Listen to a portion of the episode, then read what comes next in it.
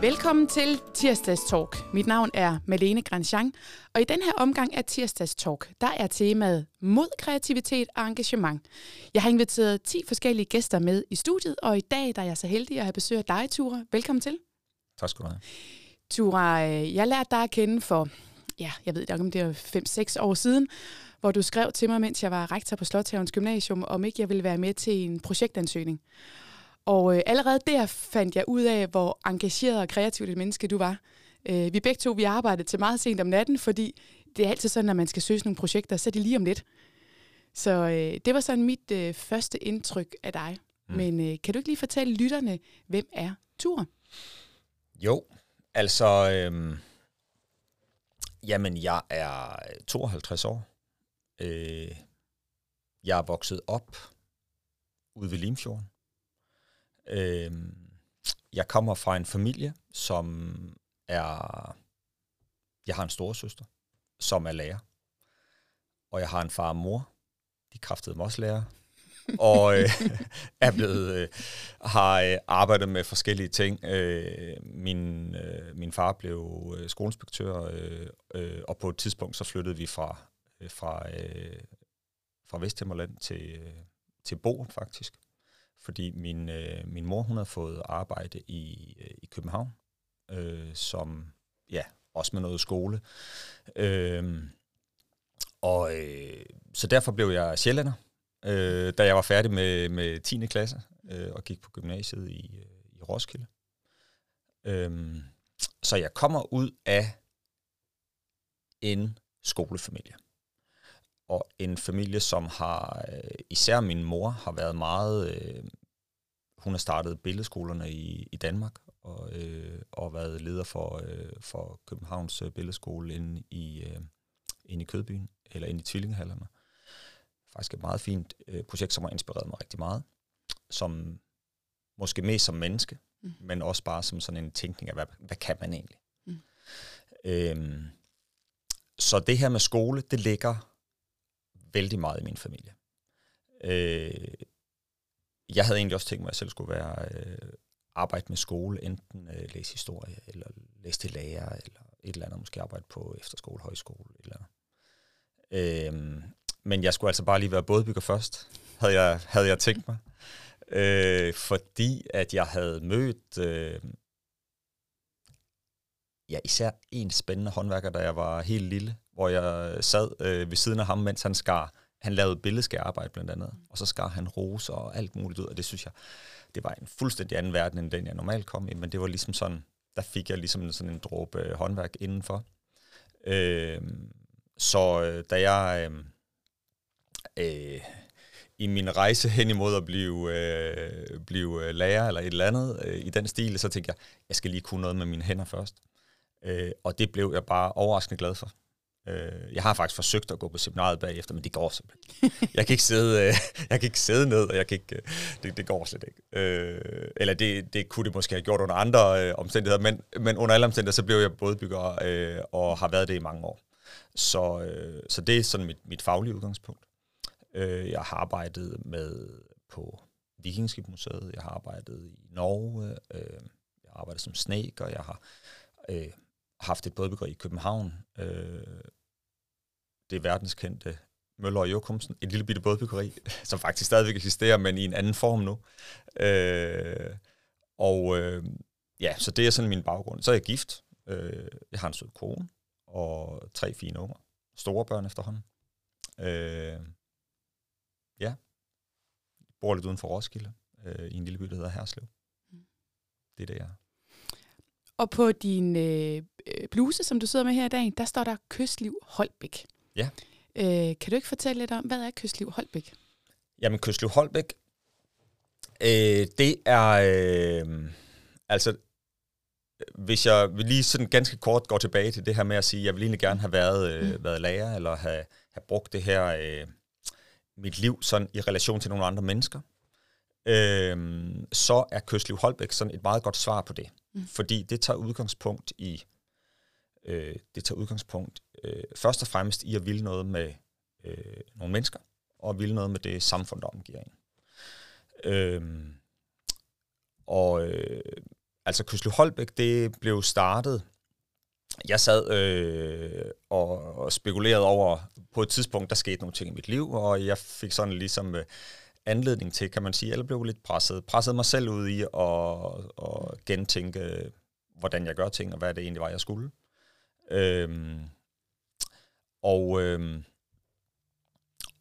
og, så, øh, og så satte jeg mig simpelthen ned ved mit skrivebord, eller med mit køkkenbord var det, og øh, skrev ned, at hvis jeg nu skulle, øh, hvis jeg nu bare havde fuldstændig frit spil, så skulle jeg, øh, så skulle der eksistere et sted, der hed et kystlivscenter, øh, hvor man arbejdede med et områdes maritime natur og kultur. Øh, sådan den traditionelle, lidt gammeldags med træbåde og fiskeri og alt sådan noget. Og man skulle bruge det til at lave god skole, god fritid, god turisme. Og man skulle lave nogle efteruddannelser, som kunne gøre, at det ikke bare var noget, der skete det sted, hvor jeg ligesom angreb det, øh, en by eller et eller andet sted.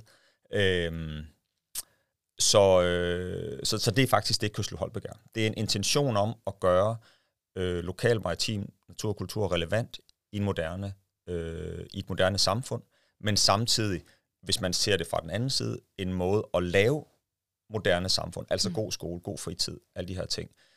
Hvad der kommer først, kan man ikke sådan, det er ikke sådan uh, fuldstændig tydeligt, men det der, hvad kan man sige, der er den sådan driveren i Kystliv Holbæk, det er, at, at vi er med til at lave god skole, god fritid, god turisme, sådan nogle ting. Det er det, der ligesom er driveren i det, men vi bruger jo det andet som værktøj. Og der kan man sige, øh, for mig at se, så, øh, så det der skete, da du sad ved dit spisebord øh, og tænkte nye tanker, det er sådan fuldstændig essensen af kreativitet. Øh, fordi det er jo evnen til at både kunne tænke dit eget liv på en ny måde, men faktisk også tænke det omkringliggende samfund på en ny måde. Finde nogle nye løsninger på kendte problemer og kunne tænke på tværs af noget af det, der allerede eksisterer. Øh, og så det at have evnen til at føre det ud i livet.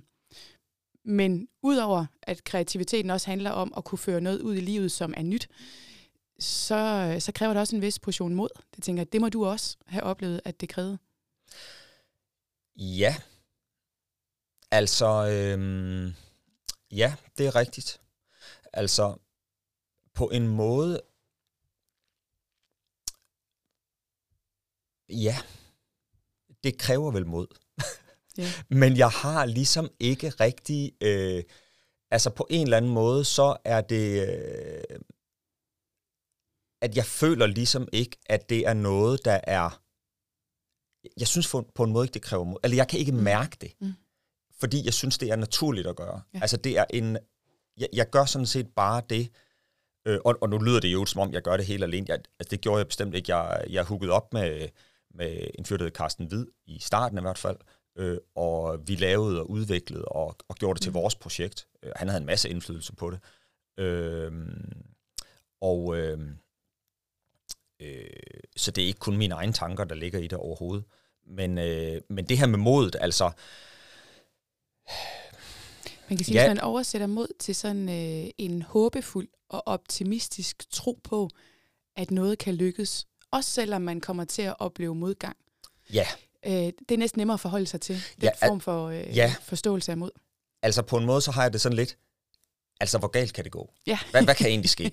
Jamen, der kan ske det, at, øh, at, det er jorden, at nogen opdager, at det er jordens dårligste idé. Jeg synes, den er super god, men altså, det, who knows? Altså, der kan jo godt ske et eller andet. Ja, hvad så?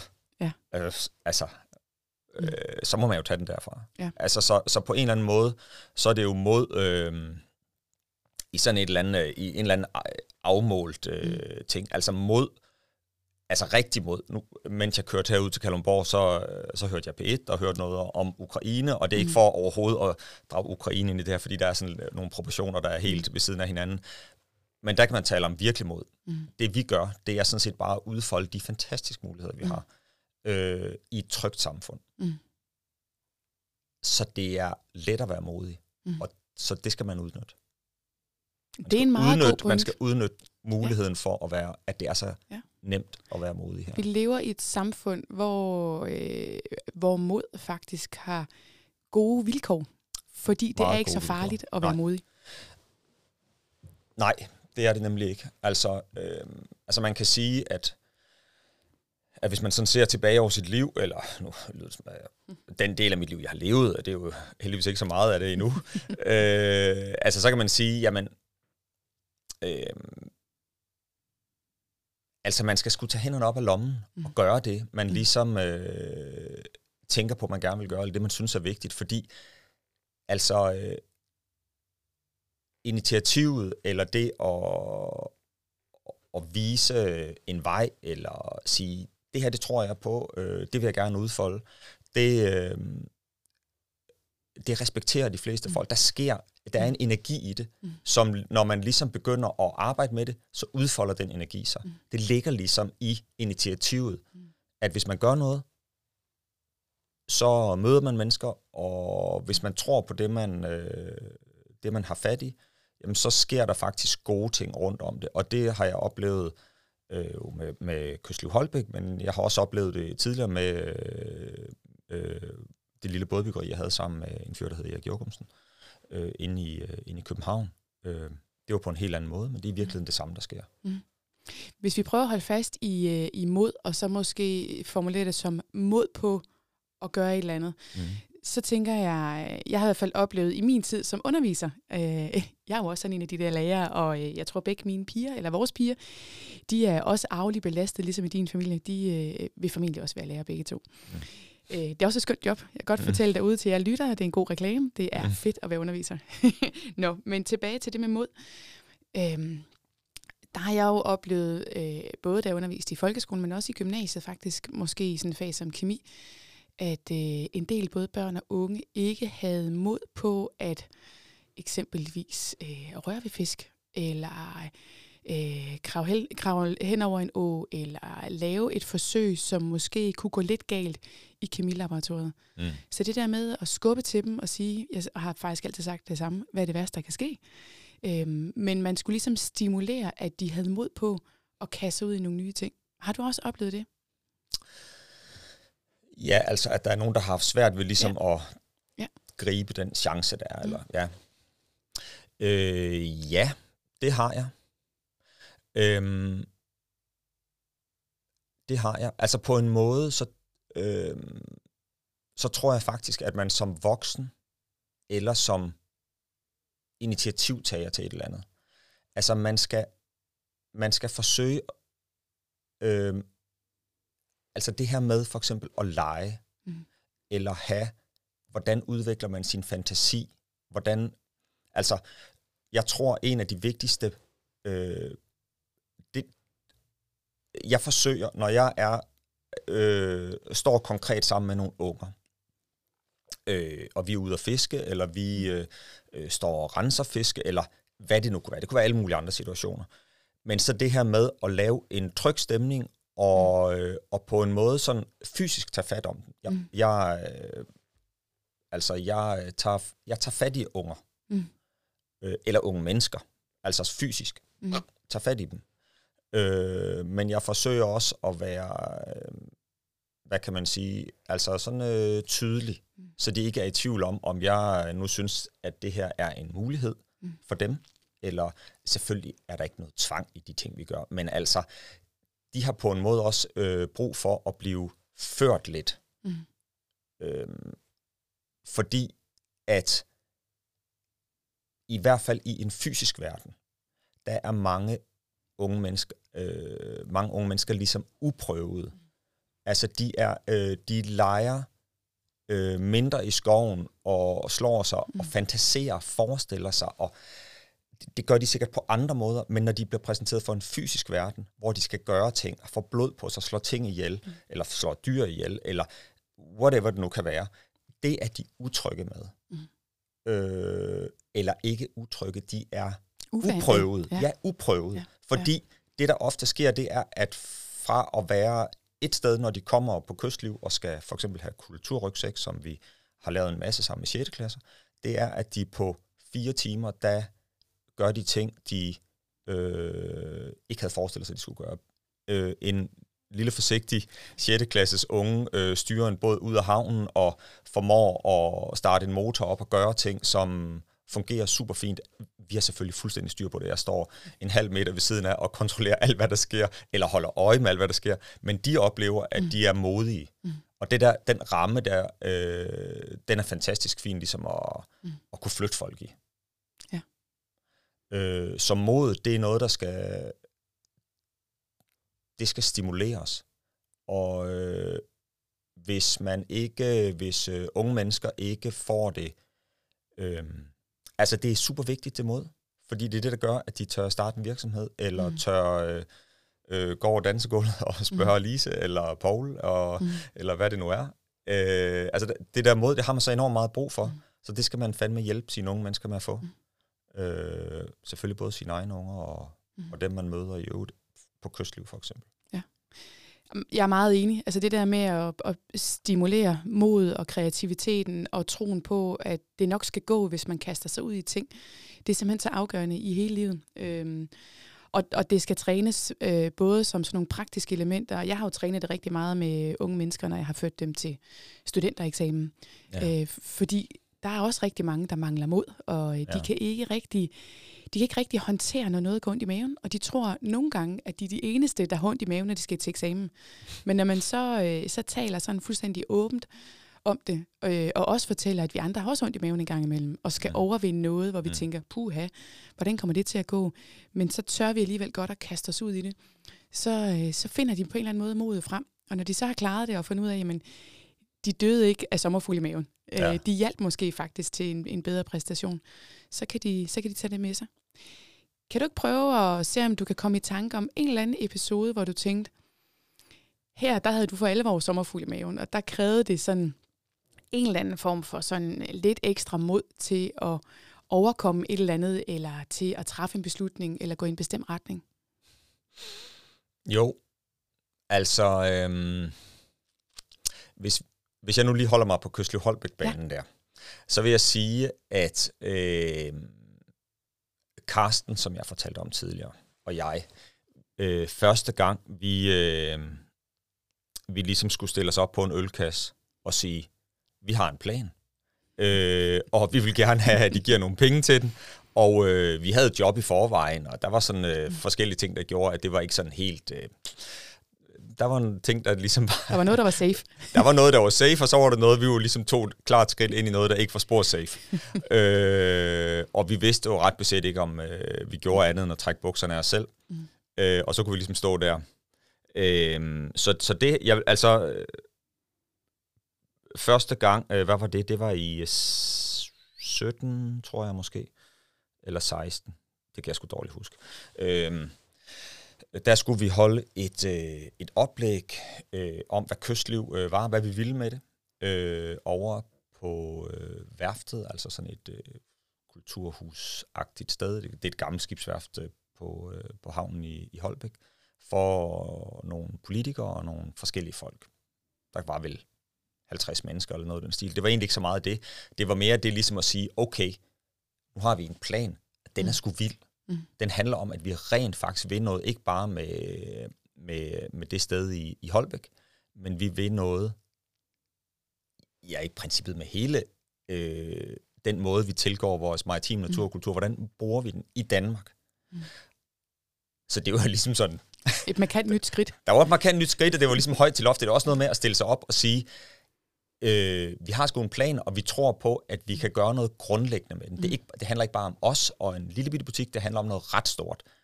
Første skridt, stille sig op og sige, det her, det vil vi. Øh, det er lidt sådan scary. Mm. Øh, også fordi, at øh, jeg kommer fra Vesthimmerland, og der tager man det sådan lige lidt nedefra. Ikke stille sig for meget op og stille sig sådan, øh, sige, at man øh, kan for meget eller vil for meget. Vi tager mm. det sådan lidt stille og roligt.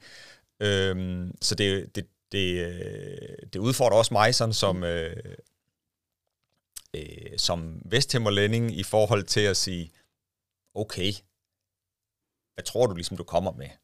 øh, det, har været, det har været udfordrende for mig, ligesom at, mm. og, øh, og ligesom sige, okay, det er sgu det her, øh, det, er sgu mm. det her vi arbejder for, mm. øh, og det tror vi på. Og det, der er båret det igennem, det er, at jeg rent faktisk har troet på det. Mm. Jeg har faktisk overhovedet ikke været i tvivl om, er, øh, er de grundlæggende ting, vi arbejder med i, i kystliv, er det faktisk en god idé? Er det faktisk en god, altså kan det faktisk overhovedet lade sig gøre, øh, både at lave et projekt, som udfolder sig i Holbæk, men som faktisk også har potentiale til at rykke nogle ting nationalt. Der er vi altså ikke endnu, men, øh, men jeg tror sgu på, at vi lykkes med det. Mm. Øh, og det er øh, nyt for mig. Øh, ligesom at, at være sådan helt safe, eller sådan helt tryg i den fornemmelse at sige, det er den her vej, vi gør, og jeg tør godt tage fat i nogle store håndtag for at gøre noget ved det, mm. eller for at, at forsøge at realisere det. Det er jo ikke det samme, som at der ikke kan ske alt muligt. Nej, nej, nej. Men det er bare sådan, det er. Ja. Det er ligesom en del af det. Det er faktisk okay. Ja. Øh, og det er også okay at fejle. Ja. Øh, fordi det er jo også en del af det. Altså, selvfølgelig fejler man med nogle ting ikke? Øh, undervejs. Øh, altså min baggrund er at være bådbygger. Øh, og nu er jeg blevet leder for kystliv. Øh, så det er selvfølgelig en, en ny bane for mig at spille på. Mm. Men i virkeligheden, så synes jeg, at altså apropos modet, øh, der er en masse, altså hvis mod for eksempel øh, materialiserer sig i form af iværksætteri, øh, så har mod og uddannelse ikke nødvendigvis så meget med hinanden at gøre. Nej. Det er selvfølgelig super vigtigt at uddanne sig, men man kan, der er masser af iværksætteri. Jeg tror faktisk, det er jeg ikke helt sikker på, men jeg mener, der er mest iværksætteri blandt faglærte. Jamen, det ved jeg faktisk. Ja. Det er jo sådan noget, jeg går op i, sådan nogle data. Ja. Jamen, hvad siger du? Holder den? Det, det holder fuldstændig. Altså, øh, hvis man kigger på alle dem, der starter selvstændigt op, så er langt, langt, langt de fleste, de har en håndværksmæssig uddannelse. Øh, og jeg kan ikke huske, om det er 80 procent, men det er noget af den stil. Så er der selvfølgelig nogen, der har valgt at få for eksempel en kort erhvervsakademisk uddannelse ovenpå, eller mm. noget andet. Ja. Men, øh, men den form for, kan man sige, entreprenørskab, den, øh, den er altså blandt de faglærte. Ja. Øhm, det er helt sikkert. Altså, og det er jo, altså, det er jo sådan en meget konkret form for, øh, for mod, der skal udvises, ja. for man stiller sig sgu frem. Mm. Øh, er der nogen, der gider købe det, jeg kan lave? Mm. Øh, Ja. altså, det er, det kræver sgu mod at gøre, mm. så det er den, den kultur og de ting, der ligger rundt omkring det, den er, den er så fantastisk Ja. værdifuld. Og jeg tror, at dem, der ikke har prøvet at være en del af det, er ikke klar over, hvor meget man blotter sig. Øh, min mand startede selvstændigt op som øh, VVS-installatør sammen med en kompagnon. Mm. Øh, og det var mig, der sad og lavede øh, planer og kontrakter og alt muligt andet, da de lidt for sjov til en julefrokost aftalte, vi starter skulle lige et firma. Mm. Men så blev det ret alvorligt i januar, Mm. og så gjorde de det. Øh, og selvom de begge to var og er rigtig modige og tror på deres idéer og er sindssygt dygtige håndværkere, så blotter man sig alligevel i forhold til at sige, hov, jamen, gider kunder også at bruge os, og øh, hvad, hvad kommer der til at ske? Mm. Men jeg tror jo flere gange, man kaster sig ud i den slags, jo mere øh, mod får man øh, at tro på, at, at det må gå, og hvis ikke det går, så må jeg finde på noget andet. Ja, der er faktisk, altså lige apropos det, du siger der, øh, jeg har læst, at i, at i USA er, øh, altså det er sådan, i for, den, den, den, den danske mentalitet i forhold til det at stille sig frem, mm. altså det her med at fejle, Mm. øh, det er mere en del af den amerikanske iværksætterkultur, altså at man øh, går ned med fladet, Mm. øh, så går man konkurs, så starter man igen, mm. alt det der. Altså at det ligesom, øh, at det er en vigtig del af den samtale, man har om at gøre noget, Mm. at det er okay, hvis det ikke det går godt. Mm. Øh, Ja, du må prøve lykken igen. jamen, man skulle prøve lykken igen. Ja. Den Øh, har det vi ikke godt- i Danmark. Nej, det kan godt være, at øh, altså, øh, ja, jeg startede et bådbyggeri sammen med, med øh, en, øh, en ven, og øh, det blev til noget andet, jeg havde regnet med. Mm. Mm. Men det var et vigtigt skridt. Det, det, det lærte mig nogle ting. Mm.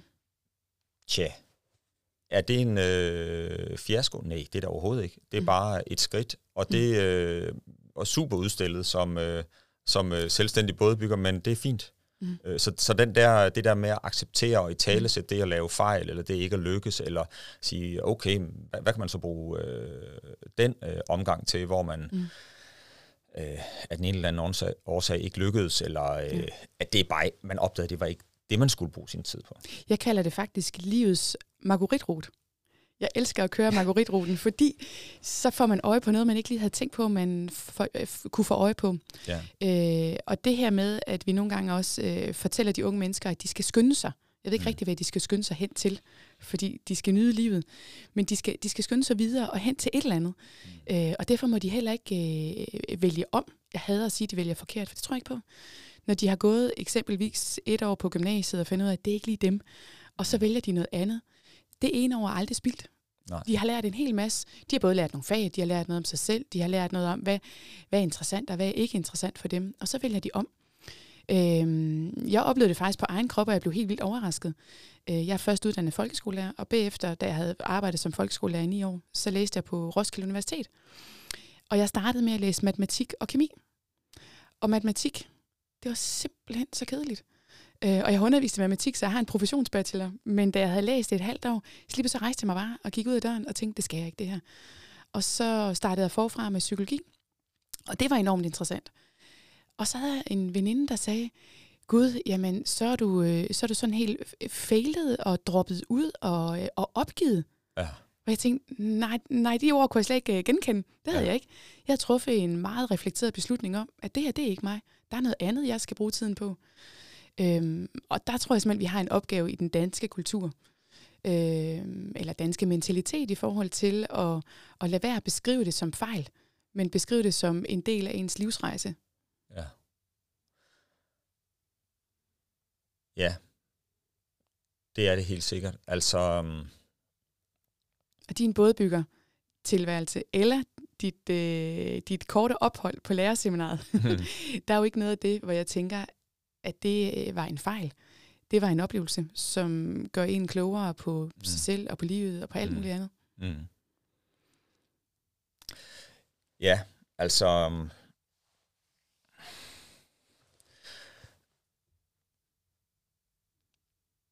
ja, det er rigtigt. Altså det... Øh, altså jeg kan jo se, at jeg for eksempel... Øh, jeg, jeg har taget studentereksamen. Og, øh, og så er jeg blevet bådbygger bagefter. Og det kan godt være, at jeg havde en plan om, at jeg ville bruge den der studentereksamen til noget. Mm. Øh, den er jeg sådan set ikke sådan formelt kommet til at bruge til noget øh, overhovedet. Men, øh, men den har... Øh, altså, der er jo rigtig mange, der går på, på, øh, på gymnasiet. Og man kan godt få den, øh, eller det har der været indimellem været sådan øh, op i det, sådan den mm. offentlige samtale, at, at, øh, at så er det spild. Mm. Men, øh, men det er det det har jeg meget svært ved at se, at det er. Altså, der er mange årsager. Der er både noget omkring øh, den, øh, hvad sker der med ens mm. øh, selvbillede? Mm. Øh, altså, øh, hvilke samtaler er det naturligt at tage del i? Ikke fordi, at man ikke kan tage del i samtaler uden at have en mm. studentereksamen. Selvfølgelig ikke. Men, øh, men det er bare et andet miljø, end at være på en teknisk skole. Mm. Ingen ikke noget skidt at sige om nogen af dem, men det er bare et andet miljø. Mm. Så det her med at kunne færdes hjemmevandt i forskellige miljøer, det er for eksempel en af fordelene ved, at der er så mange, der tager studentereksamen, også selvom de måske ikke har brug for dem, mm. eller bruger dem til noget. Øh, og så det her med at kunne tilgå øh, øh, skriftlighed, mm. øh, det er også en stor værdi. Altså jeg bruger det jo, øh, jeg, jeg kan ikke adskille, hvad jeg har med hvorfra, men jeg synes, jeg bruger det øh, hele tiden, altså øh, i det, jeg gør nu.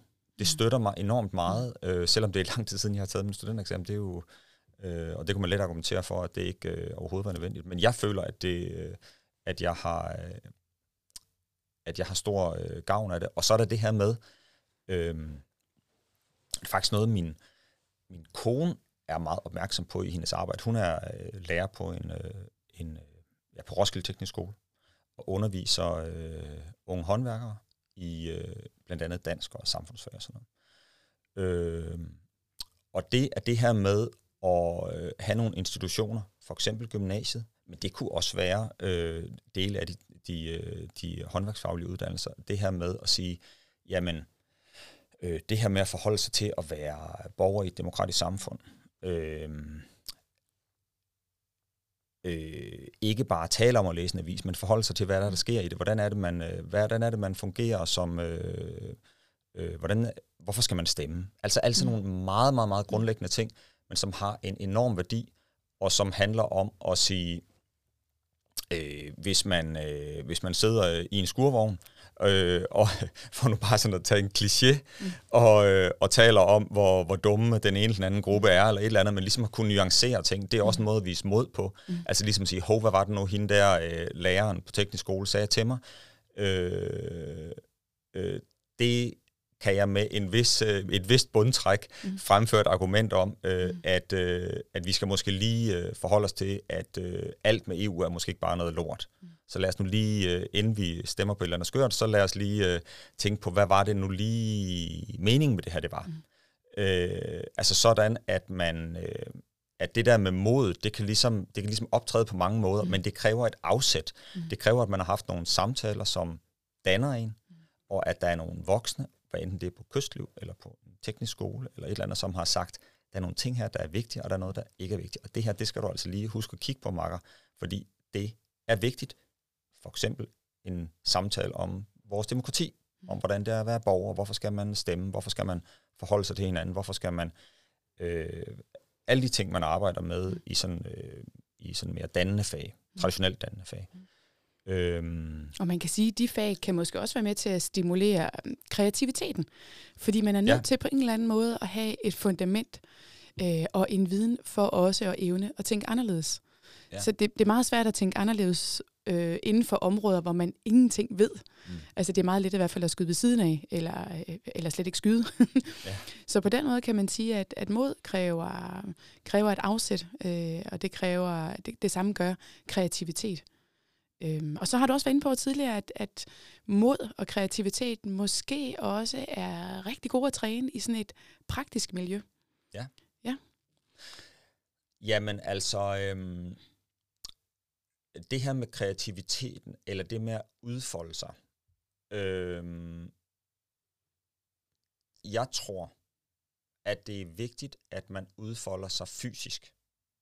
Altså i, og jeg mener ikke kun at spille fodbold, eller håndbold, eller hvad det nu kan være, men også ligesom at sige, okay, min tænkning indeholder et fysisk element. Mm. Altså det er forbundet til en fysisk verden, og til min krop. At jeg faktisk kan bruge min krop i en kreativ tænkning. Øh, altså, hvis der for eksempel kommer, vi har for eksempel øh, på Kystliv noget, der hedder øh, Ungbåd. Mm. Det er øh, sådan en ungdomsklub for 16 til 25-årige. Øh, den øh, startede vi op for et øh, lille år siden, og, øh, og vi har egentlig planer om, at vi, øh, vi er der ikke helt endnu, men at vi på et tidspunkt, der skal være, være, øh, være øh, øh, unge mennesker med fra, fra meget forskellige miljøer. Lige nu er det meget øh, gymnasieelever. Og de er super velkomne. Alt er sådan set godt. Øh, rigtig mange af dem, de er super meget op i deres hoved. Det er bare så godt. Men der er bare ekstremt meget af den, deres udfoldelsesmuligheder, mm. de slet ikke kan gøre brug af. Mm. Og, de, og de kobler ikke ret meget af deres tænkning, som jeg ser det, til øh, noget fysisk, eller til deres krop. Altså til deres krop som en tænkende, skabende mm. element i deres kreativitet. Så det bliver sådan kreativitet, det ryger op igennem sådan den mm. kognitive maskine, ja. og så ud med et eller andet. Ja. Men, men hele den der, øh, øh, at man tænker, mens man skaber, at man... Øh, øh, altså for eksempel, det her med at, øh, at lave ting fysisk, det, det er en super god måde at tænke på. Mm. Altså hvis man for eksempel øh, på et eller andet tidspunkt nu har vi gang i mange ting, og vi kan ikke gøre alt på én gang. Men på et tidspunkt, så, øh, så vil jeg oven på kystliv, der vil jeg lave en stor platform, hvor, man, hvor vi skal arbejde med vind og energi. Af den årsag, at jeg vil gerne koble det at arbejde med grøn teknologi og det at trække energi ud af vind til en fysisk forståelse af, øh, af formgivning, af vind, af vinger, øh, alt sådan mm. noget. det er, det er noget, man kan gøre meget fysisk. Altså en vindmøllevinge laver man fysisk. Mm. Øh, og hvis man kan gøre så nogle, øh, nogle erfaringer, nogle kropslige erfaringer med rent faktisk at lave det, altså både forholde sig til materialet, til noget træ, øh, hvad er træ egentlig? Altså det, øh, så man skal have et fysisk, øh, et mm. fysisk element ind i det at kunne tænke løsninger. Og hvis man piller det fysiske element ud, så en stor del af den kreativitet, der ligesom ligger for os som øh, mennesker, altså hvor vi har et mm. hoved og vi har en krop, øh, så er der super meget der, øh, af den mm. kreativitet eller tænkning, der ikke bliver forløst. Mm. Fordi det, det er et værktøj, som er så stærkt i os, som vi de sidste øh, Måske 75 næsten, år ja, ikke har gjort ja. så meget, øh, eller har gjort mindre, eller dele af befolkningen har gjort mindre og mindre brug af, eller, eller det er blevet lidt mere opdelt, så der, så der, øh, så der er ligesom en, en, øh, det er super, super groft sagt, men altså, ja, der er ligesom en, en øh, gruppe, hvor, som, man, som ligesom tænker sig ind i sådan en, øh, de sidder op i hovedet, og så er der mm. nogen, der sidder nede i kroppen, men det er mm. super vigtigt, at dem, der har rigtig meget op i knolden, mm. får kroppen med, fordi mm. det er en måde at forløse deres kreativitet på. Mm. Øhm, så øh, det vender jeg tilbage til ja. min energiø oven på, på kystliv, den, øh, det den lyder, kommer vi til. Det lyder rigtig spændende. Ja. Altså, øh, lad det være slutreplikken, at øh, mod og kreativitet og engagement måske har nogle helt andre vilkår, hvis vi sørger for også at gøre den kropslig og tiksliggøre den, øh, fordi vores verden er fysisk. Ture, tusind tak, fordi du havde lyst til at bruge en god halv time med mig i studiet. Og øh, tak til jer lyttere, fordi I lyttede med til Tirsdags Talk, der i den her omgang handler om mod kreativitet og engagement. Mit navn er Malene Grandjean, og du finder min podcast på Spotify eller mine sociale medier.